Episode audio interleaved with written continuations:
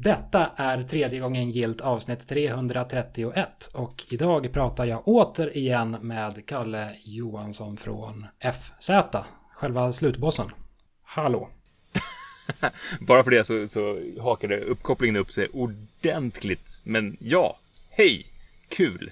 Hej igen! hej igen! Alltså, det, det är ju helt bisarrt många avsnitt ni har gjort. Alltså, över hundra är ju en bedrift, men när ni börjar liksom närmare 400 då, det, ja, det är mm, imponerande. På sätt och vis är det en bedrift, på sätt och vis är det absolut inte en bedrift. För det, för, ja, men det, det är ju som att skaffa skägg, som både du och jag har. Det, det, man gör det är i princip ingenting. Man bara, man, man nöter på. Ja. Man låter tiden, tiden gå. Ja, tiden förstör allt, men den ökar podcastavsnittantalen i alla fall. Och skägglängden. Jag, ska, jag har faktiskt bokat in en, eh, mitt första eh, skäggtrimningsbesök sen, sen eh, den här pandemin drog igång till nästa vecka. Och det ska bli så skönt. Ja. Jag fick ett, med ett litet relapse i, i vintras. När jag bara skulle trimma ner det till hälften ungefär. Men det såg ut som jag var spetälsk. Så då, då drog jag av allting istället. Så jag hade ju en period där jag inte hade skägg. Men det var en, en sorg för alla inblandade. Spetälska är väl i och för sig, det ligger väl lite i tiden också. ja, det, alltså, är det är nästan som man kan längta efter en liten härlig klassisk pandemi som böldpest eller spetälska. Liksom någonting som, som skulle kunna kännas lite retro. Ja, ja men det, nästa gång kanske det blir. nästa gång blir det Busanic. Plague. Yes. Som sagt, vi har poddat förut. Vi poddade i, jag kollade upp det, i juli 2020. Ja. Vilket alltså är då 11 månader sedan. Eh, och då var vi väl ganska, vad ska man säga, bekvämt parkerade i den här pandemin. Då hade man insett till fulla att det, det här kommer nog ta ett tag. Ja.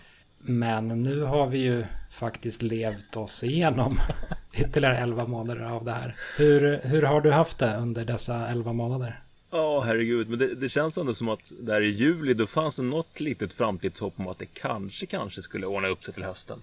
Det är så jag minns det i alla fall. Sen, sen gick det ju rakt in i, i eh, någon form av tredje och, och fjärde våg. Nej, men jag är, jag är sjukt less på att sitta hemifrån i min egen kammare och, och, och försöka hålla någon form av kreativ lägstanivå liksom. Det, mm. Ja, jag, jag gjorde och med liksom det att jag köpte ju en cykel för att kunna cykla in till kontoret för att vi har ändå ganska stort kontor, där kan man sitta på avstånd men det är ju, var ju här med mm. lokaltrafiken som man vill undvika. Så att jag, jag blev ju en sån här, inte latex, eh, inte latex, det är fel, spandex kanske det heter. Ska vi hålla isär där? Ja, det, det, känns som att det är två olika saker, latexpappa och spandexpappa. Jag, jag har inte gått all in där men eh, jag är svårt att se en tid jag inte kommer att cykla in till kontoret. Det har mm. blivit den nya, den nya drogen. En, en bra podcast i, i lurarna och sen mm. bara trampa i 45 minuter så man är framme. Ja.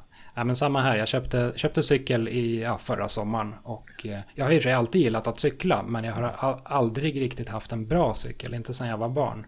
Eh, och det var ju typ det bästa köpet under hela pandemin. Ja. Eh, den cykeln har gått varm och eh, ja, men som du säger, det, det, det, finns ingen anledning att backa tillbaka till lokaltrafik längre. Nej, och det, det kändes så märkligt. Jag, menar, jag bor ute i en förort söder om stan och sen jobbar inne på Östermalm. Och liksom hjärnan mm. hade inte på något sätt kopplat att det, att det fanns väg som jag kunde cykla från mig dit. Mm. Jag upplevde lite samma känsla när man skaffade körkort första gången. Att man aha, så man kan liksom köra här från dit. Mm. På något sätt så hjärnan hade inte gjort den kopplingen. Och att man nu säger, men... okej, okay, det tar bara 45 minuter att, att cykla därifrån till dit. Det är ju det är ingenting. Ja, men innan man börjar koppla ihop platserna så tänker man lite på världen som, inte som en öppen värld, utan som en värld uppdelad i banor som man ja. teleporterar sig med. Ja, verkligen. Men världen hänger ihop, märkligt nog. Precis som, som spelbranschen har vi gått all in open world.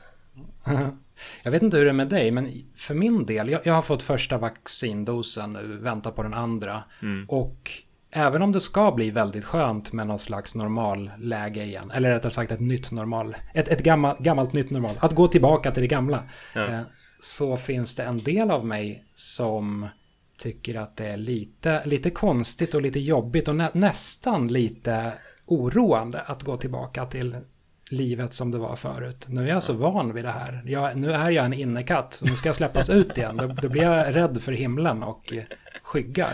Jo, alltså man, man, man är ju en helt annan man är en helt annan närvarokänsla när man är bland folk. Man, alltså, kanske lite läskig jämförelse, men precis efter terrordådet på Drottninggatan, där, då var man ju också under en period väldigt medveten om folk runt omkring sig. Och det här har ju blivit på samma sätt. Man har ju man, man tar ju nästan tempen med ögonen på folk för att se liksom, okay, är, den här, är den här människan sjuk? Eller okej, okay, nu var det någon som nös en kilometer härifrån. Är, är jag i fara? Mm. Uh, men jag, jag, tror samtidigt att, att det där kommer vara en grej som man, som man tänker på i ett par veckor, ett par månader. Sen kommer jag tror det kommer vara läskigt hur snabbt vi kommer gå tillbaka till någon form av normalläge. Mm. Det är i alla fall det som jag, det inbillar jag mig i alla fall. Mm. Något slags normalläge, känn på den segwayen. Nå någon slags normalläge för mig, eller, eller rättare sagt snarare för dig, det är att du och flera andra har, har kört eh, Fragson-fredag på mm. fredagar. Eh, och för min del så har jag tyckt att det är väldigt mysigt att ni gör det och har, har velat kolla på det, velat ha det i bakgrunden. Men det, tyvärr beror det helt och hållet på vilken arbetsuppgift jag har för tillfället. Om jag sitter och skriver någonting då är det totalt omöjligt för då börjar jag bara skriva av vad ni säger och så förstör jag min text. Transkriberar bara få. Exakt. Men om jag sitter och pysslar med Unity eller sitter med Photoshop eller någonting sånt, då mm. går det jättebra. Och det är, det är väldigt mysigt som sagt, jag måste, måste ge er det. Ja, vad, vad kul. Och det känns också som att just sådana såna mötespunkter har blivit viktigare under, under pandemin. Också, jag kommer på mig själv att gilla liksom, mönster och eh, regelbundenhet på ett annat sätt som jag inte gjort. Att ja, men mm. Man kan till och med uppskatta att HBO inte släpper alla avsnitt av en serie på en gång. Utan man vet att ja, men, nästa onsdag, ja, men då, då kommer ett nytt Handmaid's Tale. Att man mm. har någonting att se fram emot i vardagen. Eh, när det har varit såna här Ja men när man, när, när man inte gör så mycket annat nu hemma och liksom bara ruttnar bort. Mm. Ja. ja, men det, det, och det är väl anledningen till att man överhuvudtaget går upp på morgonen och tar på sig åtminstone byxor och en tröja. det är någon slags sökande efter en normalitet. Ja, men det känns som det och att liksom, just den här regelbundenheten och ha de här små mikro mikrobelöningarna. Alltså vi, vi, vi som spelar spel är ganska duktiga på att mikrobelöna oss, våra hjärnor annars. Mm. Men just att ha de där uh, små hållpunkterna i vardagen. Så man vet att ja, men, nu, nu kommer det någon, någon ny liten treat. Man är, man är som en så här råtta i labyrint som har lärt sig när, när nästa belöning mm. kommer. Ja. Det går ju säkert att dra en parallell där till nyligen avklarade E3 också. Att E3 är någonting väldigt, eh, i alla fall har varit det tidigare, något regelbundet, någonting som man förhåller sig till. Ett sätt att mäta spelåret på. Mm. Sen vet jag väl ärligt talat inte hur mycket E3, eller vad E3 fyller för syfte längre. Men det, det är ändå skönt att det finns. Jag, jag är glad att E3 existerar, men mm. jag, jag tror ju att man skulle kunna lägga ner E3 utan att egentligen hända speciellt mycket. Nej, men så, så är det ju. E3 i, i sig själv har ju inget egenvärde längre. Förutom att det är jäkligt trevligt att träffas fysiskt med med andra människor i branschen. Eh, det är väl det jag saknat mest. Jag menar, vi har ju kunnat göra förhandstittar och slippa åka till London över dagen och, och sådana grejer under det här året. Och det tror jag kommer fortsätta. Men just det här ja, men, fysiska och att träffa andra människor och kunna göra en vettig intervju. Jag tycker det är skitsvårt att intervjua människor via, via videolänk. Det blir aldrig mm. riktigt uh, samma sak.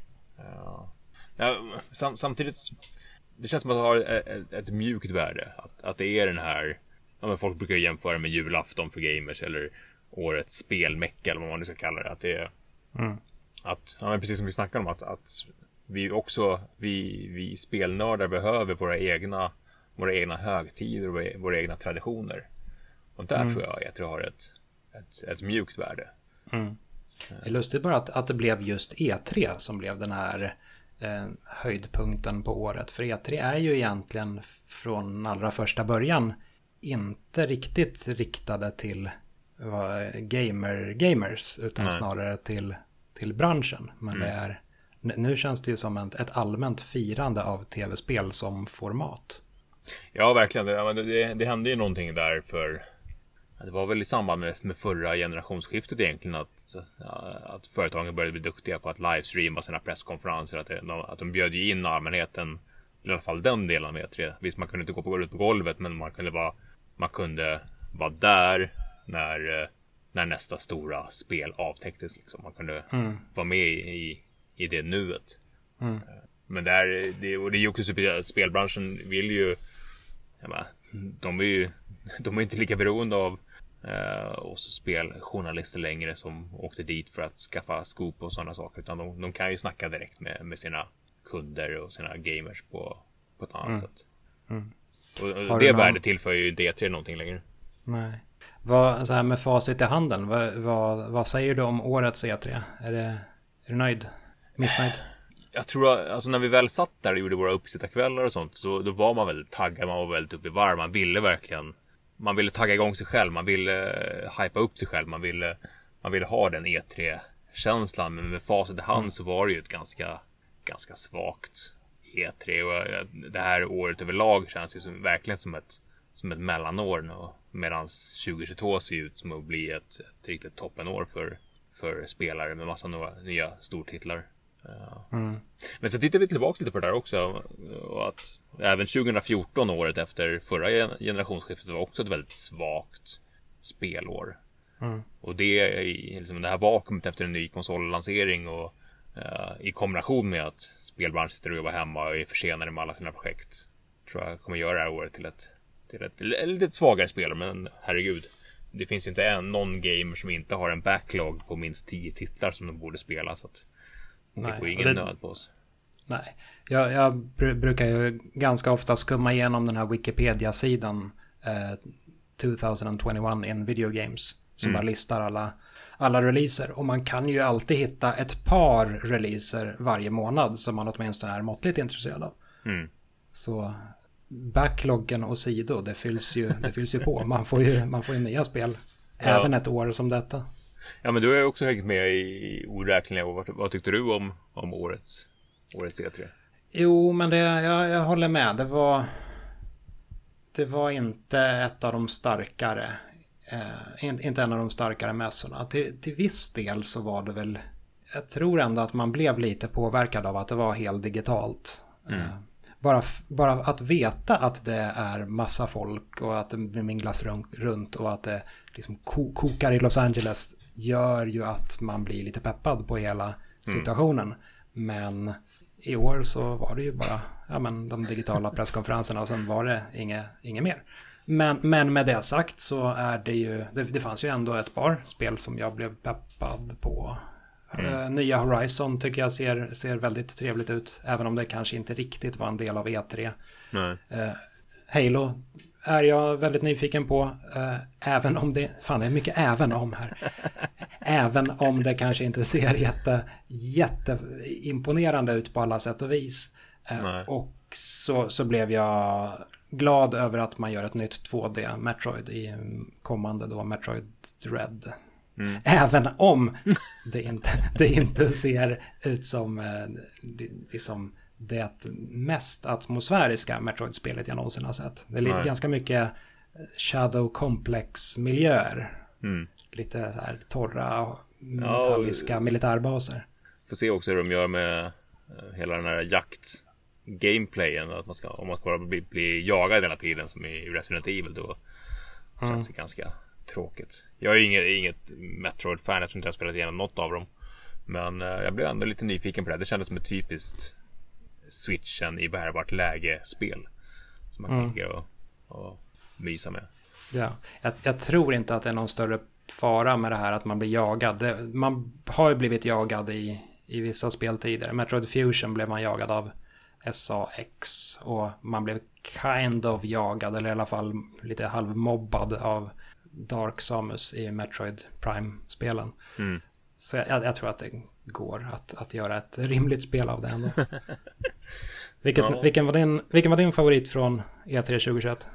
Jag tycker Starfield ser spännande ut, även om vi inte fick se så mycket um, konkret från det. Men jag gillar i alla fall det här det som jag, det jag efterfrågade redan innan här med, ja, med lite skitigare rymd. Att det, saker och ting känns inbodda liksom.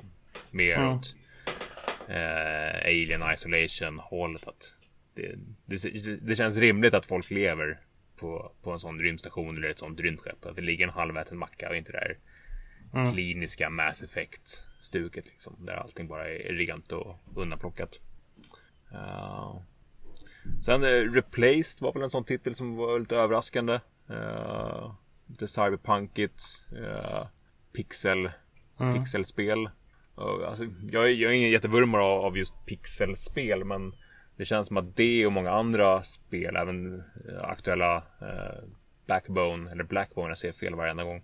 Att, mm. att de lyckas ta pixelgrafik till en ny nivå. Det är inte bara nu ska vi göra ett 16-bitars pixelspel utan vi gör ett jäkligt snyggt spel så råkar det vara just pixlar som vi använder som våran canvas. Mm. Ja men det är lite som Octopath Traveler och, och liknande spel. Ja men precis. Uh, World of Lana såg mysigt ut också. Där handritade äventyret. Uh, mm. Jag är försiktigt nyfiken på uh, Arcanes vampyrspel. Uh, tyckte det såg lite generiskt ut. Uh, men jag gillar ju, jag har gillat allting de har gjort hittills. Så att det borde kunna bli bra. Ja. Det känns Just det, vad hette det? Det är Blood eh, Stone, Blood Battle. Red, Redfall. Red, Redfall, ja. ja. Något sånt där. Ja, men till och med titeln är så pass, så pass liksom allmän så att man glömmer bort den på en gång. Jag, jag tycker ofta det blir så efter en E3-mässa, när, när, just när man avslöjar en massa nya IPn och, och eh, speltitlar, att alla speltitlar låter ju ungefär likadant. Ja. Det är väldigt sällan man hajar till över en speltitel och tänker oj, kan man döpa ett spel på det där viset? ja, nej, nej, det känns verkligen som att uh, namnkommissionen i spelbranschen börjar bli lite, lite trött. Uh, vad hade vi mer? Stalker såg lite kul ut. Uh, tjock stämning. Just det, tvåan.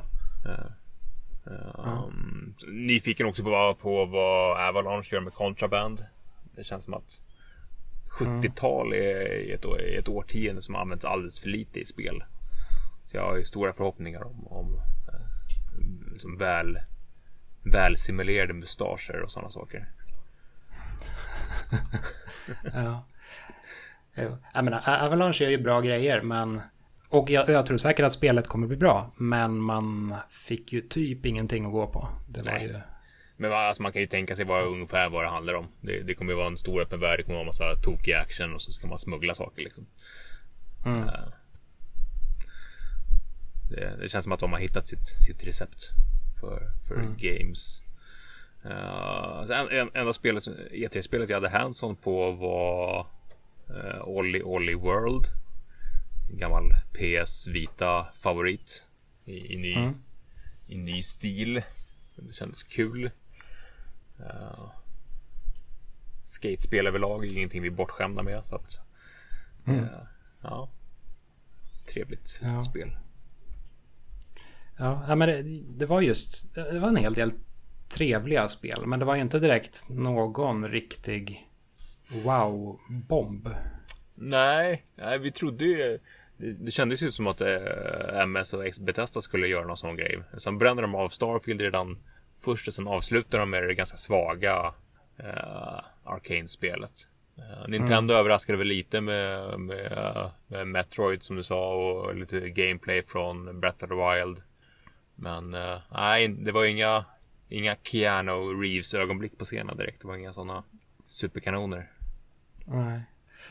Nej, man får, får se framöver då om, om nästa år blir just ett om nästa spelår blir ett kanonår, kommer det mm. innebära då även att eh, nästa E3 blir ett kanon E3? Eller är det här liksom den, den, nya ribban vi har lagt oss på? Ja, alltså jag, jag, jag folk börjar säga att E3 är dött, men det, det tror jag verkligen inte. Jag till och med guvernören, eller var det borgmästaren i Los Angeles, gick upp det på deras egen officiella stream och sa att nu nästa år blir det fysiskt. Att det är klart att det kommer leva vidare, men sen tror jag att de kommer pressas ganska hårt av, av aktörerna i spelbranschen på att bjuda in allmänheten i allt större utsträckning. Uh, mm. Sen om, om det kommer funka i, i liksom Convention Center där, det får vi väl se. Men uh, det här liksom det, det exklusiva, bara press och media och bransch. Eh, det, det är svårt att tro kommer funka i, framöver. Mm. Någonstans ska man ju ändå ha sina spelnyheter. Så om inte E3 finns då får man släppa dem i form av trailers någon annan gång under året. Eller i mm. samband med Gamescom eller Tokyo Game Show eller vad det nu kan vara. Men ja, om trailers ändå ska ut så kan man ju lika gärna släppa dem ungefär den här tiden på året och kalla det hela för E3. Jo, jo, alltså jag, läste lite olika tankar om det där och nu vet jag inte vem det var som skrev det men det känns som att det, det fanns en viss sanning i det att de stora drakarna kommer ju alltid kunna nå ut med sina budskap. Liksom. De, de, de har så pass stora följarskaror redan nu så att de behöver liksom inte bry sig så mycket. Men att E3, i, i och med att rampljuset på E3 finns och att alla allas blickar är vända åt det så finns det också större möjlighet för mindre kända bolag att, att nå ut. Att får man in sin trailer på Summer Games Fest eller på Future Game Show eller liknande så, så har man större möjligheter att synas än när man bara själv publicerar den på YouTube och hoppas på att någon ska hitta den. Liksom. Mm. Sen är det frågan, menar, Jeff Keely verkar ju väldigt sugen på att eh, hålla i taktpinnen för, för framtida sådana grejer och han gör väl han gör väl ett helt okej okay jobb. Eh, med sitt Summer Game Fest. Så det kommer ja, precis. Om, ja, om målet är att nå ut med spelnyheter och speltrailers så det mm. funkar ju absolut med hans, hans shower. Både den på sommaren då och även eh, den han har kört på hösten. Ja. Hösten, vintern. Men du hade tagit en liten eh, semester nu efter E3. Lugnat ner dig lite och...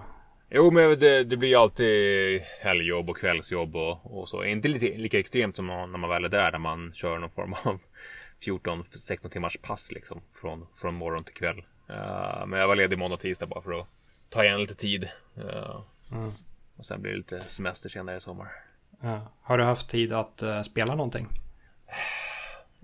Det, det, det dök upp massa, och det tyckte jag var väldigt bra i år. Det dök upp massa bra demos både på, på Steam och på, på Xbox. Kring att spela aktuella spel, men jag har faktiskt inte lirat något av dem. Mm. Dels stack vi ut till, till landstället här och här har vi eh, Vi har med oss switchen men eh, där hade jag ingenting som jag var sugen på att spela. Annars hörs, det sista jag körde mest av innan jag åkte hemifrån var ju Chivalry 2. Eh, mm. Det släpptes ju mitt där under E3-veckan av outgrundlig anledning. Jag blir alltid lika förvånad över folk som tycker att ja, men, den här veckan då, då släpper vi ett spel. För då, då finns det inte så mycket annat att göra. Supermärkligt. Uh, mm. Men det är det typiskt spel som jag kommer ha kul med ett par månader. Uh, sen kommer man tröttna. Uh, men jag är inne i ett litet sånt multiplayer stim nu. Jag gick tillbaka till Titanfall 2 precis innan det. Uh, oh. Men innan dess så körde jag igenom i princip alla stora PS4-titlar för de hade jag inte kört.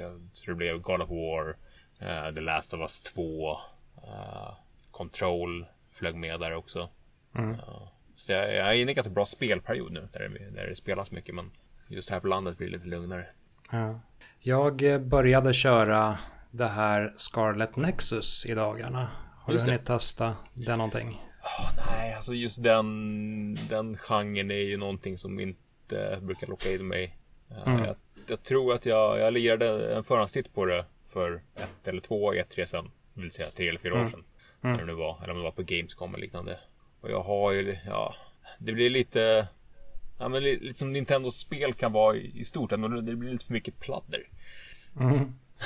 Och det, det, för den som har missat det, alltså det, det är ju ett action-rollspel. Kanske mer, eh, åt, mer slagsida åt actionhållet än rollspelshållet. Eh, med anime-estetik. Mm. Och så har det någon slags flummig värld. Jag har inte riktigt greppat den helt än i och med att jag bara är i början av spelet. Men befolkningen är på, no på ett eller annat sätt fixerade eller intresserade av mänskliga hjärnor som blir arta sig i någon form av superkrafter där alla får en specifik superkraft. Och så finns det någon form av märkliga varelser som kallas för the others som äter hjärnor och som hänger utanför staden där man är. Och som ser ibland ut som blomvaser och ibland som andra grejer. Eh, och sen, sen lever man i någon slags samhälle där, där hologram är en stor grej. Så hologram, alltså all, all reklam består av hologram som är uppsmält mm. över husväggarna. Och eh, myndigheterna använder även hologram för att censurera saker. Så att Okay. Det finns någon scen tidigt i spelet när någon, någon kille som har fått huvudet eh, söndermosat eh, glider förbi på en bår och då har de lagt på ett hologram över hans ansikte då bara för att det här ska man inte se för att det, det kan vara skadligt man... för din hjärna. det låter lite som man själv tänkte när man var liten att hologram skulle vara en stor grej när man, man det fanns ju så här, en del samlarkort som hade hologram på sig och eh, jag hade nog leksaksgubbar också som var stora grejer mm. att det var hologram på bröstet. Just det, uh, Battle Beasts. Ja, precis. Ja, de var grymma. Ja. Ja, men hittills så tycker jag nog ändå att Scarlet Nexus är ganska mycket up my alley. Eh, jag gillar japanska actionspel och jag är ändå ganska förtjust i hela anime-svängen. Även om mm. jag inte alls har grävt ner mig så mycket som jag kanske skulle vilja. Har du, har du någon relation till manga-anime överlag? Alltså, jag, på ett plan så vill jag ha en, en relation. Jag gör eh, försök. Eh, kollade vad hette bland, en av de första som, som dök upp i Sverige när man var, var liten. Halvstora robotar. Uh, Gundam-liknande. Halvstora robotar, vad finns det? Det finns Gundam, Macross, uh. Evangelion. Ja. Nej, och sen har man ju kollat på, man har ju kollat på ja. klassiker som Akira och uh, Fist of the North Star. De här men eh, aldrig någonting. Jag gjorde ett, ett, ett skarpt försök att kolla på um, Attack on Titan i, i våras faktiskt. Men jag, jag kom med tre, fyra avsnitt mm. in. Sen, sen, sen faller det bort. Det för det för andra saker. Mm. Uh, så nej, nej, det är väl det, det är en liten uh, skugga i min mm. kultur. Kulturskuggan. Ja. Det som, det som fascinerar mig med anime är ju ändå att det är ganska ofta man hittar väldigt skruvade teman som man inte riktigt hittar på andra ställen. Eh, bara på Netflix till exempel så finns det en, en ganska ny som heter Way of the House Husband som handlar om, om en före detta Yakuza-boss som nu lever som hemma, hemmaman, säger man väl. Så han, han har hand om ett hushåll och går runt med ett förkläde. Och sen gör han hushållssysslor. Men han gör det väldigt bittert och eh, Yakuza-aktigt. Okay. Typ hackar grönsaker och går och shoppar och ja. tvättar och sådär. Med en Yakuza-attityd till allting. ja. Eller, ja.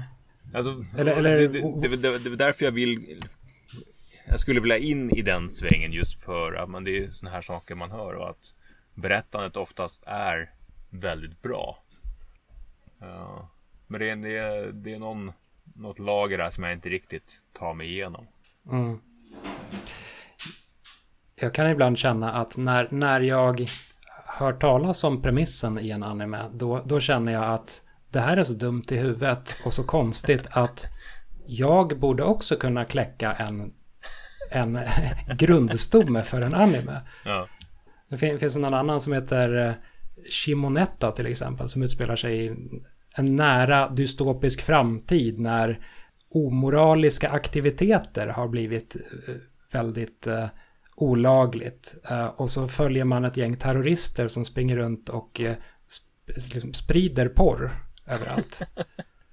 för att väcka allmänhetens intresse för omoral igen. Och så är det typ konstig slapstick runt det. Ja. Och ja, men man kan göra i princip vad som helst. Vi, vi, du och jag skulle kunna hitta på någon anime om, om jag vet inte vad, spelskribentbranschen. Men så twistar man till det att eh, det handlar om en spelskribent, men spelskribenten är även beroende av, jag vet inte vad. Hjärnor. Ja, hjärnor. Lever som spelskribent men i smyg äter han hjärnor. Jo, precis. För att annars tar orden slut som han ska skriva. Så han måste äta hjärnor för att få nya ord till sitt ordförråd. Just ja. Och är allmänt hyllad som en av de eh, bästa skribenterna på planeten. Precis, för att han har ätit upp alla andra. Ja, ska ofta vara någon form av dubbelliv. Och en, en, en hemlighet som man kan skapa komiska försöker... situationer. ja, men så här, slå i dörrar fast liksom. Ja. Ja, alltså jag, jag, jag, väntar fortfarande på att liksom, den bästa mangan eller den bästa animen bara ska gripa tag i mig. Jag kollade, mm. det senaste jag kollade igenom var ju plikttroget lite um, Castlevania, uh, serien på Netflix. Men det känns knappt som att den räknas för att den är så rak och, och tydlig liksom. Mm. Ja. ja. Jag, jag dras ofta till de, de som har någon liten konstig twist. Det One Punch Man till exempel. Det är inte världens mest obskyra referens här. Men den, den handlar om en, en kille som är superhjälte. Men han är så jävla bra så han kan besegra precis vad som helst med ett enda slag. Mm. Och det är premissen. Så, och så går han ut och är ganska uttråkad. För han har inte längre någon utmaning. För allting faller för att han slår det en enda gång. Ja. och, och den, ja. och sådana premisser hittar jag ofta inte riktigt i västerländska filmer. Nej. Nej, och det, det är det som är lockelsen. Men ja, jag har fortfarande som sagt inte hittat den här perfekta ingången som, som grip tag med. Alltså jag, jag, jag, vet inte om jag svär i, i kyrkan nu, men jag kan ju till och med bli lite uttråkad av eh, Studio Ghibli-filmerna. Visst, de är, de är superfina och det är vackra små berättelser, men jag är inte särskilt underhållen av dem. Mm. Uh. Ja, men det kanske är lite av en acquired taste på något sätt, att man måste omfamna hela mediet först. Ja, det kanske och är verkligen, ver verkligen köpa det att ja, men det, det, det japanska och det ärligt talat tecknade i det hela. Ja, alltså jag, jag gillar ju tecknat. Pixar-filmerna är ju uh, fantastiska. Ja, den senaste Lucas, vi såg den här om dagen, den var väl kanske deras svagaste kort hittills. Så jag har ju mm. liksom inga problem att ta till mig en bra story även om den skulle råka vara tecknad liksom. Men nej, det, det är någon barriär där som jag inte riktigt tar mig över. Ja. Nej, men uh, man kan inte gilla allt å andra sidan. Nej, det är väl så. Och det är väl här typiskt vuxlig insikt att nej, men jag, jag, behöver faktiskt inte tycka om allt. Jag, det, det, finns så mycket som man tycker om ändå. Så att, mm. eh, ja, med, med, med, spel och sånt där. Man, man, ja, förr i tiden kan man ju verkligen, verkligen försöka. Men ja, okej, jag ska, jag lirar några timmar till för att det verkligen ska sitta liksom. Mm. Jag, jag, kommer in i det snart, men nej, jag, har inte, jag har inte riktigt det tålamodet längre. Ja, och då kanske man hade ett spel också. Menar, hur många, hur många NES och SNES-spel satt man inte och nötte bara för att det var det, var det enda nya spelet man hade det halvåret. Liksom. Mm. Nu har man uh, mer, fler spel än vad man någonsin kommer hinna klara. Och då är det, då är det ganska okej okay att, att du inte spelar Scarlet Nexus och att jag inte spelar uh, Chivalry just nu. nej, precis. Nej, nej. Ja, det, är spännande. Men, eh, för att återgå till det, jag är verkligen en sån periodare där jag eh, under en period spelar väldigt mycket uh, single player och under en period mm. spelar väldigt mycket multiplayer. Att jag liksom varvar så att efter, ja just det, innan, innan uh, PS4-spelen så la jag säkert 78 timmar på, på Asgrid Valhalla. Uh, och det var det första mm. Assassin's Creed-spelet jag någonsin har fastnat för. Uh, mm. Så det var en, en lång single player-period men nu är jag inne i ett, ett multiplayer-skov. Mm. Förra gången du och jag poddade så hade jag ett gäng eh, frågor till dig angående bara spelbakgrund och spelsmak och lite sådär. Ja. Jag, där och då så frågade jag dig nog inte vad jag minns vad ditt absoluta favoritspel var. Ja, jag, jag kommer inte ihåg om vi, om vi snackar om det. Det är också en här konstig grej som har hänt att för tio år sedan då hade man, då kändes det som att man var helt, helt övertygad om att det var, ja men det var det var Quake eller det var Doom 2 eller att man hade ett sånt definitivt svar på det här. Men det känns inte som att jag har det längre. Att liksom, mm. Jag har inget sånt. Jag, jag, jag kunde ju återvända och spela Doom 2 säkert en gång om året. Bara för att jag tyckte det var så jäkla mysigt. Och ja, men en liten snuttefilt ibland liksom. Uh, mm. Jag tycker det är skitsvårt att svara på den frågan nu.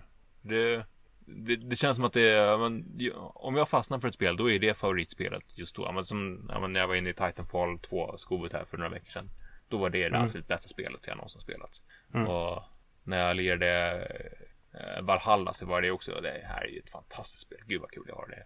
Så jag vet inte om jag börjar, börjar bli dement eller om det är någonting annat. Men det, det, det var liksom var, var ett, ett favoritspel. Kanske, också ett, kanske också ett vuxentecken. Ja, men då, då blir det att man häver ur sig liksom, ja men, Zelda Link to the Past för att det var en sån sjukt magisk upplevelse när man lirade första gången eller, ja men, Doom 2 eller mm. när man började spela Quake i multiplayer och att det liksom öppnar upp för en helt ny värld. Men det är ju liksom spelupplevelser som är 20-30 år gamla nu. Mm. Det blir ju till viss del det att man man inte längre kan försvara ett gammalt spel. Jag, jag har alltid hävdat att Super Mario World är, är mitt favoritspel och än så länge mm. så kan jag ändå med hyfsat gott samvete säga att det är så. Mm. Men det, det finns ju vissa bara quality of life-grejer i, i Super Mario World. Och bara sättet som det är designat på som mm. så gör man ju inte spel längre. Förr eller senare blir ju ett spel föråldrat. Ja. Men det låter som att för din del så har Doom och Quake varit favoriter. Mm, absolut. Historiskt i alla fall. Ja, båda de spelen formade ju liksom det som, som länge var liksom det som jag spelade. Det, det var, det var eh, actionspel i första person och det var eh, senare också liksom tävlande i spel på något sätt. Jag menar, hur många timmar som helst i, i Counter-Strike och liknande. Just det här. Ja, men, lite som det som lockar in mig i, i multiplayer också. Att det, att det finns den här tävlingsaspekten av det. Man får mäta mm. sig mot andra, andra människor i, i blodig kamp. Mm. Uh. Vad är det allra säm sämsta med, säg, Quake? Om det finns någonting som alltså puttade ner det från tronen. Det är ju för jäkla fult alltså. ja men speciellt ja, men där, i, i multiplayer spelar det inte stor roll för då brukar ju allting vara bortskalat. Så att det ska bli så tydligt som möjligt. Men alltså ja. single play-kampanjen är ju sjukt träig och sjukt ful. Där kan jag ju ha större behållning av till exempel Quake 2 eller Quake 4 för den delen. För att de i alla fall hade lite färg och, och lite rolig design på saker och ting. Men, uh... Märkligt att du säger det. Jag tycker nämligen tvärtom. Jaså? Alltså Quake 1 och 2 i alla fall. Ja. Jag, jag, jag kan verkligen respektera utseendet i Quake 1. Det, ja. är ju, det är ju verkligen ett brunt spel. det är Brun, brunt. Liksom, det finns ju inget annat i det här spelet. Men jag tycker att det är så häftigt att det är så. Medan, mm.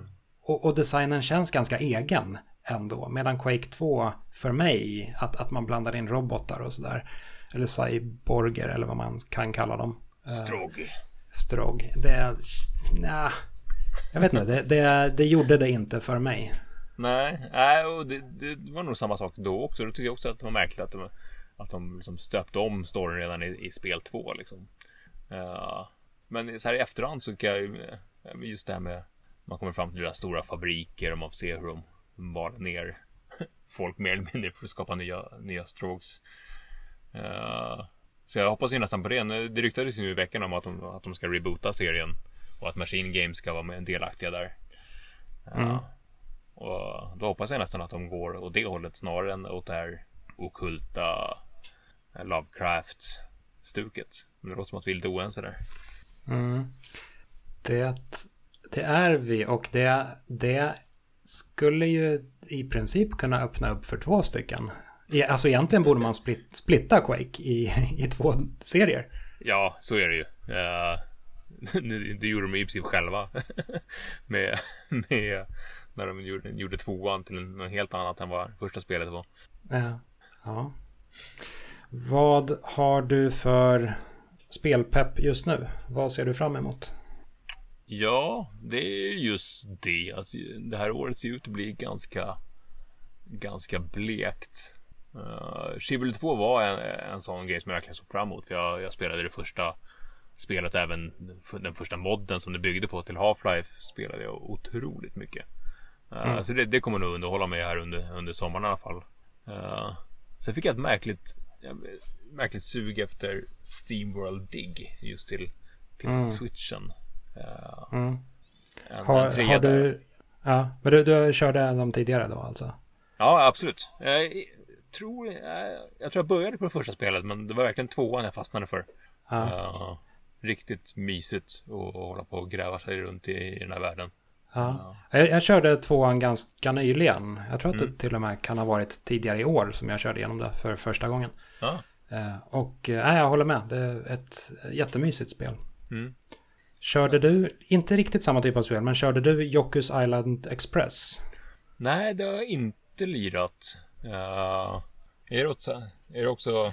Det är inte... Ja, det, det, är ett ganska speciellt spel. För det, det är en blandning mellan Metroid och eh, Flipper. Ja, ah, just det var det ja. Just det. Och så är man en liten dyngbagge som rullar runt en flipperkula. Mm, ja, men nu vet jag vilket och, det är. Ja. det har ju inte grävarmekaniken från Steamworld Dig, men det har stämningen skulle jag säga är lite likadan. Att det, mm. det är ganska, det är, det är en skön, det, det, finns inte riktigt någon fara i, i världen, utan det är mest glida runt och ha det, ha det mysigt. Ja. Eh, och eh, ja, men väldigt annorlunda och kul mekanik, så det rekommenderar jag ja, det varmt. Jag, jag har försökt lira Ori. Uh, om man ju snackar Metroid, Metroid-stuket. Men där mm. har jag kommit till en gräns där det är så pass avancerade rörelsepussel. Att jag, mm. att jag kroknar. Att, världen är ju fantastisk. Och jag menar hela estetiken och allting. Men när man måste liksom volta, flippa, eh, dodga, skicka ut någon, något lasso och sen mm. göra allt det med liksom millimeter timing. Och ah, ja, men mm. som vi var inne på, jag, jag har inte riktigt det tålamodet längre att misslyckas 20 gånger. Nej. Uh, är, det, är det första eller andra året spelet du kör? Uh, andra spelet. Ja, okej. Okay. Synd, för, för det, det är ju det som är det enklare av dem. Eller det, okay. så, är, om man ska spela något av dem så är det är det, det andra. Så ja. jag har ingenting. jag har inget, inget, inget åt dig, inga tröstande ord. Get good. ja, typ.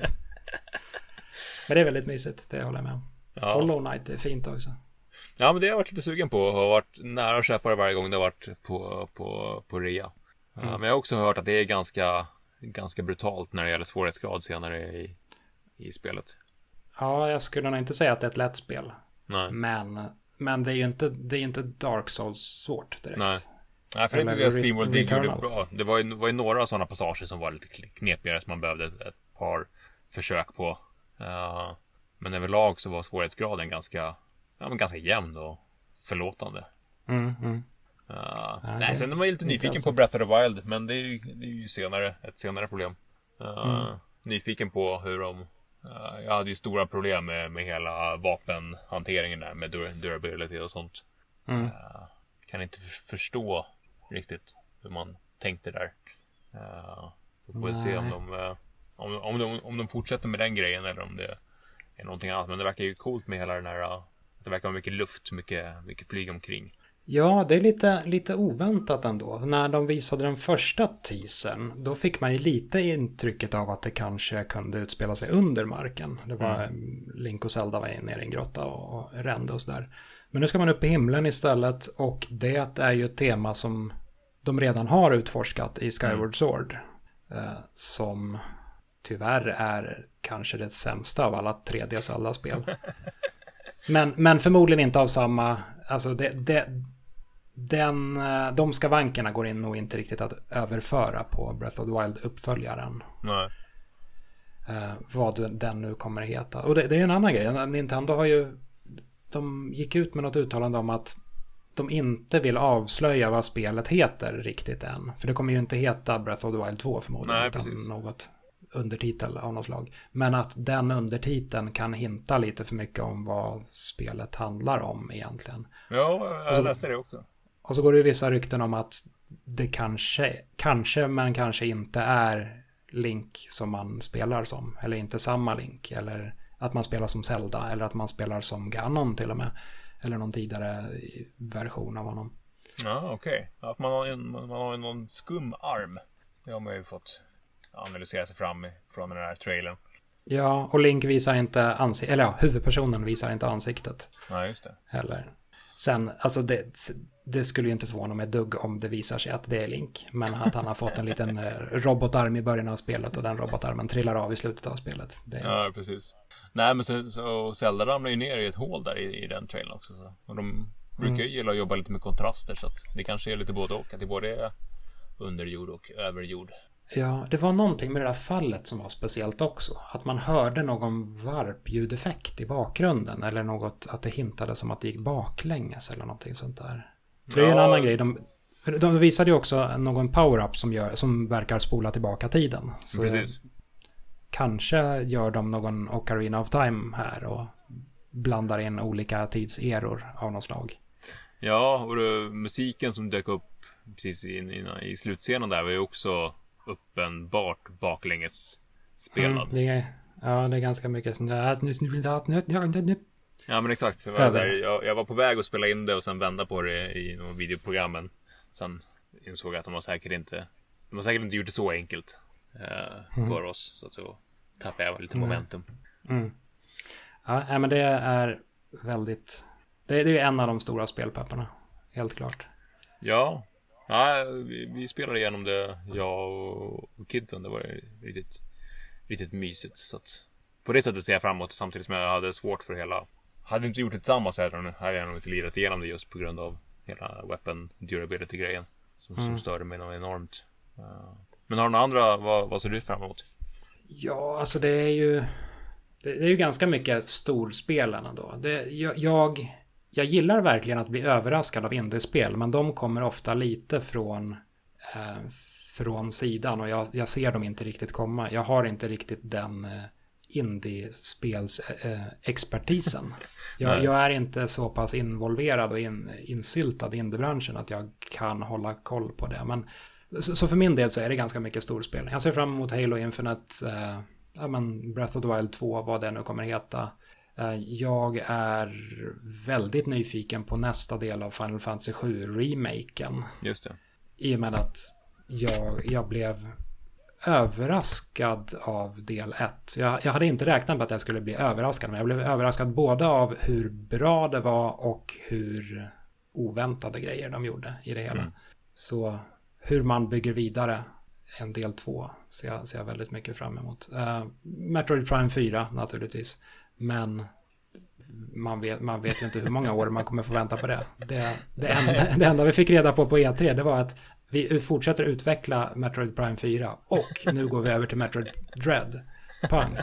Som också var, som jag förstod en titel som, som våra lagts ner och startats om ett antal gånger. Ja, precis. Den började väl på Game Boy Advance-tiden. Så det är en jävla massa år sedan.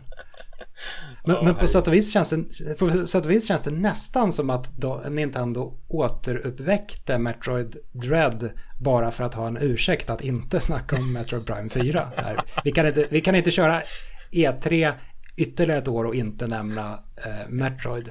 Fort, ring Mercurys team. De kan väl slänga ihop ett, eh, ett Dread i alla fall. De gjorde, ja. de gjorde ett bra jobb, eller ett hyfsat jobb med, eh, vad heter det, Samus Returns. Ja. Eh, så, så köper vi oss ytterligare ett år när vi kan Jo, för med ett 2D Metroid, även om det är såklart är avancerat så, så, kan det inte vara hälften så avancerat som att göra ett, ett fullskaligt Prime 4 liksom. Nej. Ja, nej men det är väl... Ja, jag är lite tråkig på det viset. Eh, men ja. storspelen ser ja, men, jag fram emot. Ja, men jag är ju lite som du, att även om man har försöker kolla på, på spelvärlden så just indie, indiespel och sådana här, ja men man såg ju tre, fyra trailers på Valheim till exempel innan man avfärdar det som vad är det här för gammalt PS1-spel som de försöker göra en grej av. Och sen blev det världens mm. bomb. Samma sak med ja, men Fall Guys, testade det på E3 eh, ett år innan det släpptes. Ja, det här var ju ett kul litet partyspel och sen exploderade det liksom. Mm. Eh, så att man... Eh... Ja, men det, det, finns ändå vissa mindre indiespel som jag har lite pepp inför jag vet inte om jag skulle kalla det för indiespel, men det här svenska eh, Ascension heter det va? Just Vilket det. är Cyberpunk. Eh, jag vet inte om det är en Twin Stick Shooter eller om det är en uh, One Stick Shooter. Eller så. Men uh, ses, ses nätt ovanifrån, går runt och röjer en Cyberpunk-värld uh, tillsammans med upp till uh, tre andra människor. Mm. Det ser jag fram emot väldigt mycket. Det ser brutalt snyggt ut. Mm. Ja men det, det verkar brutalt snyggt. Sen, sen jag har inte tittat gameplayet ser jätte, jättespännande ut. Ja, men uh, det, det, finns ju helt klart på, på ens radar. Men, och om du inte har kollat in Replaced så, så kika på det. det ser, jag fick lite flashback uh, vibbar av det. Spelet då, inte, mm. inte sajten. Ja, men det, det, det Replaced ser ju väldigt mycket ut som det här, vad hette det? The Last Night hette det va? Som Just det. det som också gav ifrån sig lite livstecken här för någon vecka sedan. Ja, för det är ju annars ett spel som blev extremt hypad när det nu var. 2018, 2017, någonting mm. sånt där. Eh, och sen har det bara total försvunnit. Mm. Från radarn. Så det, på sätt och vis är det ju ironiskt att spelet Replaced heter Replaced. För att nu har det på något sätt tagit över den rollen av ett snyggt pixelspel eller Beyond pixelspel eller vad man nu kallar det ja. i en liknande setting. Sen såg det här, det var väl det demot som jag, som jag är lite bitter över att jag missade nu på, på Xbox. Det var ju Sable. Uh, mm. Det ser ju... Ja, jag, jag, lite dålig koll på exakt vad man gör i spelet men, men bara miljöerna och åka runt på den här speedbiken i någon form av eh, stilistisk öken såg jäkligt, jäkligt trevligt ut. Mm. Väldigt, väldigt fint. Fint spel. Och sen har vi det här spelet som jag alltid glömmer namnet på. Men det som utspelar sig i ett rum och där man, det, det är en tidsloop. Och mm. uh, Willem Dafoe är tydligen med Just nu. det. Ja, han gör väl eh, rösten till skurken va? One hour eller så. 12 minutes. Det skulle, 12 minutes. Det ser kul ut. Eller det ser väldigt intressant ut. Mm.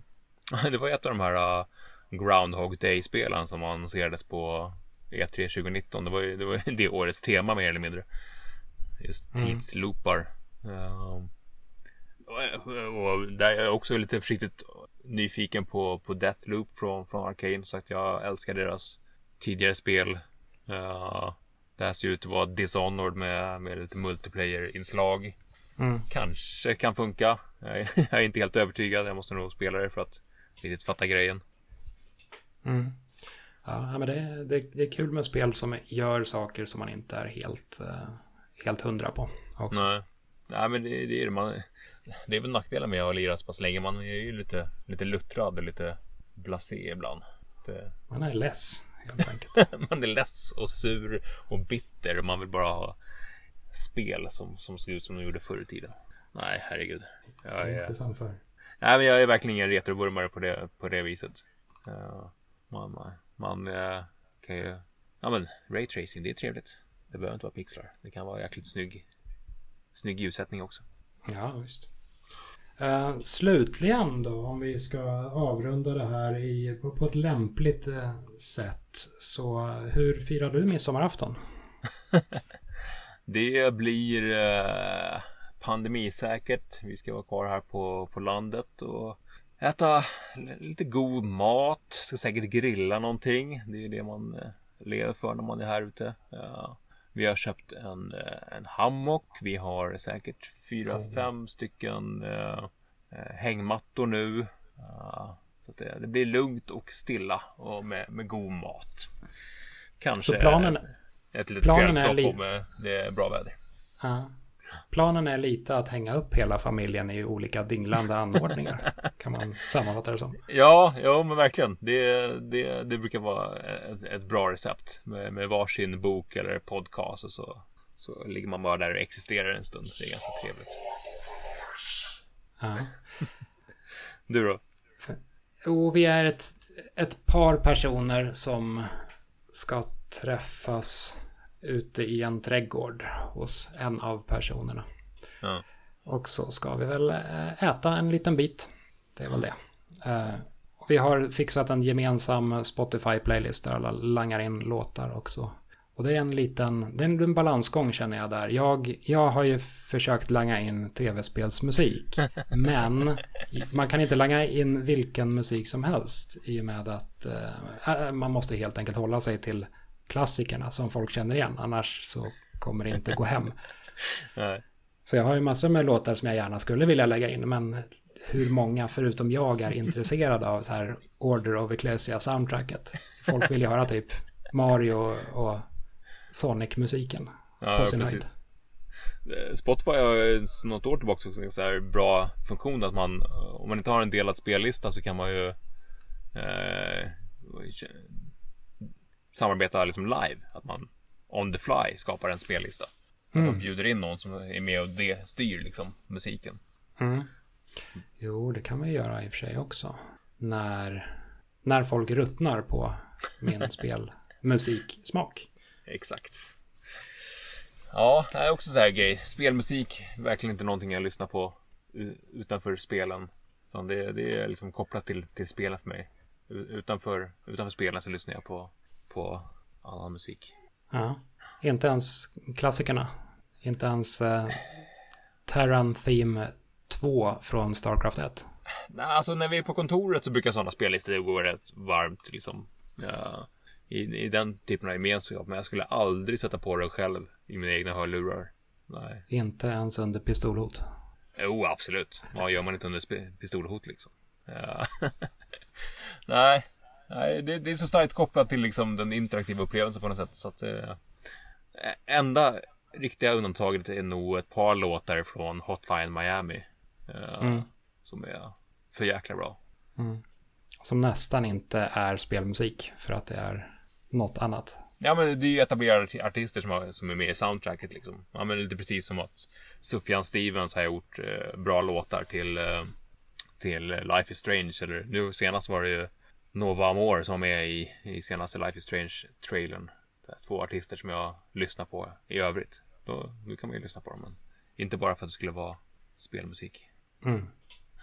Sant.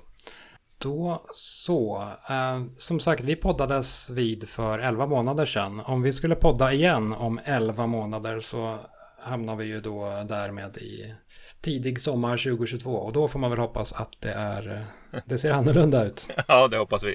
Då, då har delta-varianterna gått och lagt sig och alla har fått minst två sprutor så vi kan då kanske man till och med kan ses liksom face to face och podda. Det hade ju varit fantastiskt. Det vore något. Jämföra skägg. Ärligt... Fläta ihop dem. Exakt.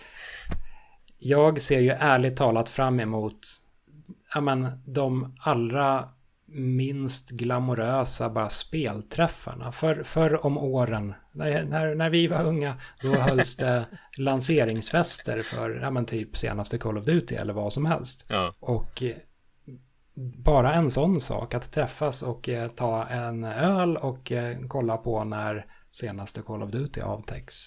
Mm. Och sen stå och prata om någonting helt annat. Ja, det, det verkar otroligt lockande för mig. ja, ja, herregud. Uh, vi ska försöka dra igång lite sådana pubquizar och sånt i höst. När det kommer att finnas ett sånt uppdämt behov av att träffas fysiskt. Uh, ja. Över en öl. Så det, det kommer bli fantastiskt.